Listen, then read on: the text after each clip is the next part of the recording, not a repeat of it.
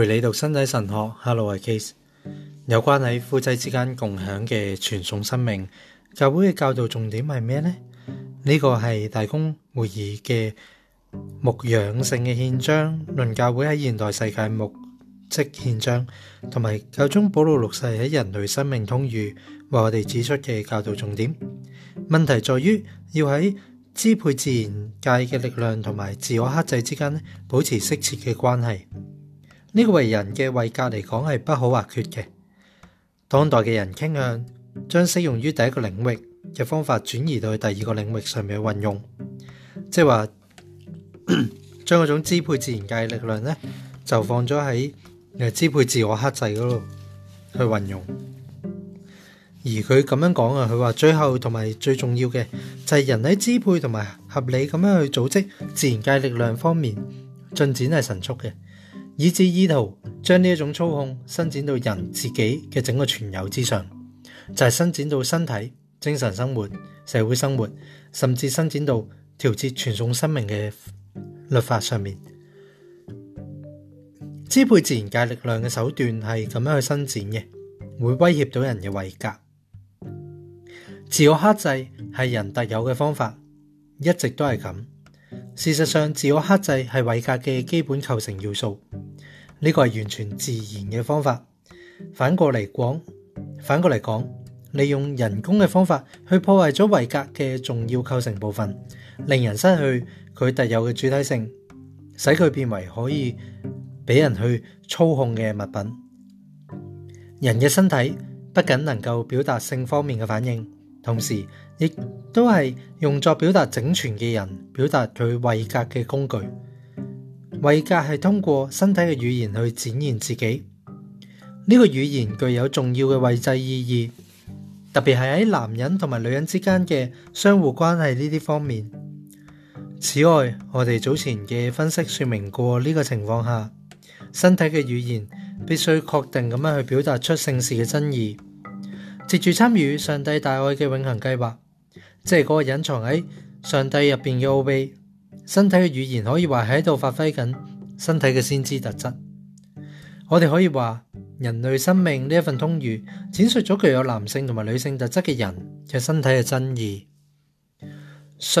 佢讲明咗呢个真意嘅最终效果，唔单止系逻辑同埋道德方面嘅效果，同时亦都系实践同埋牧养方面嘅效果。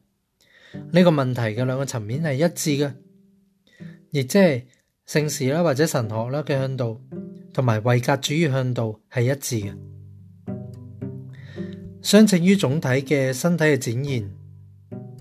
我哋都可以由此去推断到纯神学嘅观点，同埋素诸自然律嘅伦理观点之间有咩关系？事实上，自然律嘅主体系人，人嘅存在唔单止有佢自然嘅层面。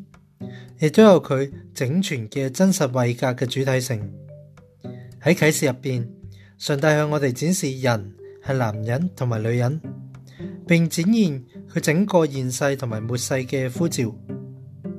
佢蒙上帝去呼召成为圣事嘅施行人，亦即系自起初已藉住肉身结合嘅标记所建立嘅城事，见证同埋诠释上帝大爱嘅永恒计划。作为婚姻圣事嘅施行人，藉住合意嘅经文，新郎新娘互定婚文，并透过佢哋夫妻共结合，婚姻圣事咧就得以完成啦。男人同女人奉照去表达佢哋嘅身体奥妙嘅语言嘅全部真意，即系嗰个专属于身体嘅语言嘅全部真意，藉住各种姿势同埋反应。藉住所有互相配合嘅动力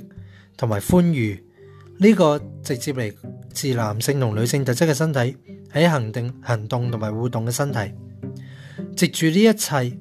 呢个人啦呢个位格就喺度说话啦。男人同埋女人藉住身体嘅语言咧展开对话。而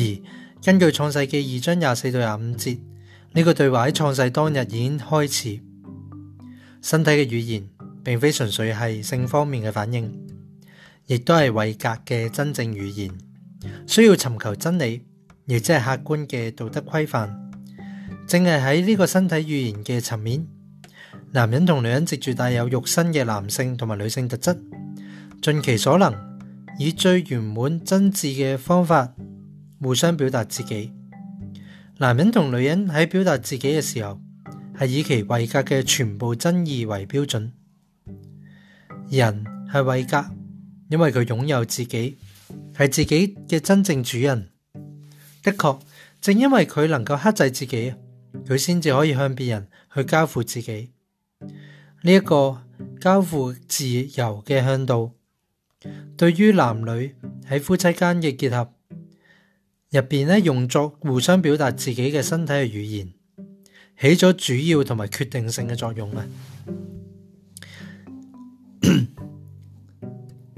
由于咁样嘅共结合系位格之间嘅共用啊，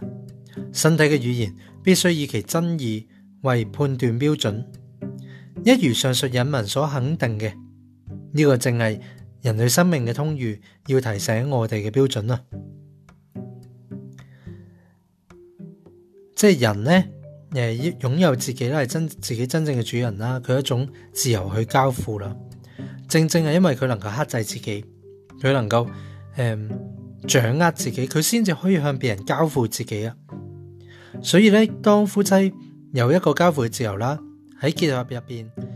就表互相去表达自己身体语言咧，嗰种交付嘅自由咧，有主要同埋决定性嘅作用嘅，唔系被逼嘅，唔系俾人系抢走咗嘅，系自己双方将自己好似礼物咁样咧交出嚟俾对方。咁呢个就系个。诶，尊重维格嘅一个身体嘅语言，成系共融嘅身体语言咁样。身体嘅语言咧，必须表达佢嘅真意，根据呢个真意为判断准则。夫妻性行为嘅意义咧，唔单止系爱，亦都包括咗生育嘅可能性。因此，唔应该以人为嘅介入方式，使到夫妻性行为失去咗佢原本适切嘅意义。喺夫妻性行为入边，以人为嘅方式将结合嘅意义同埋生育嘅意义分割咧，系不正当嘅，因为呢两种意义都系同属夫妻性行为最深层嘅争议。两种意义系一齐实现嘅，即系爱啊同埋生育嘅可能性系一齐实现，喺某一程度上系透过对方嚟实现嘅。呢个就系通儒所教导嘅，因此喺呢个情况下。如果以人为嘅方式去除夫妻性行为嘅生育能力，而使之丧失其内在嘅真意咧，咁夫妻嘅性行为咧就再唔系爱嘅行动啦。咁佢唔系话爱就一定即系夫妻性行为就一定系生育吓，佢系讲生育嘅可能性，即系佢要有一个诶有机会生到嘅可能性咧要保持同爱嘅意义咧，呢两者都系属于诶性行为嘅真意咁样。我哋可以话，如果喺夫妻性行为入边，以人嘅方式将呢两种意义分割，咁身体纵然真正结合咗，但系呢一种不符合人同人为制共融嘅内在真议同埋尊严事实上，如果要达成呢一种嘅共融嘅话，互相表达嘅身体语言呢，必须呈现佢整全嘅真议。如果缺乏咗呢种真议，就冇真实嘅彼此自我交付。亦都冇真实嘅彼此互相接纳。由于夫妇嘅共融系扎根于维格本身嘅秩序，咁样违反咗夫妇共融嘅内在秩序，构成咗抗人行为嘅本质恶。刚才所引述嘅就系人类生命嘅伦诶通谕嘅伦理教导所作嘅诠释啦，以众多同埋身体神学相关嘅探讨作为一个背景资料，对于呢个诠释尤其重要。尤其重要嘅系有关于婚姻作为姓氏嘅标记嘅探讨。此外，关于违反夫妻性行为内在秩序嘅行为，如果我哋冇探讨到肉身嘅贪欲呢个主题，就冇办法以合乎神学嘅要求方式嚟理解呢种行为嘅本质啦。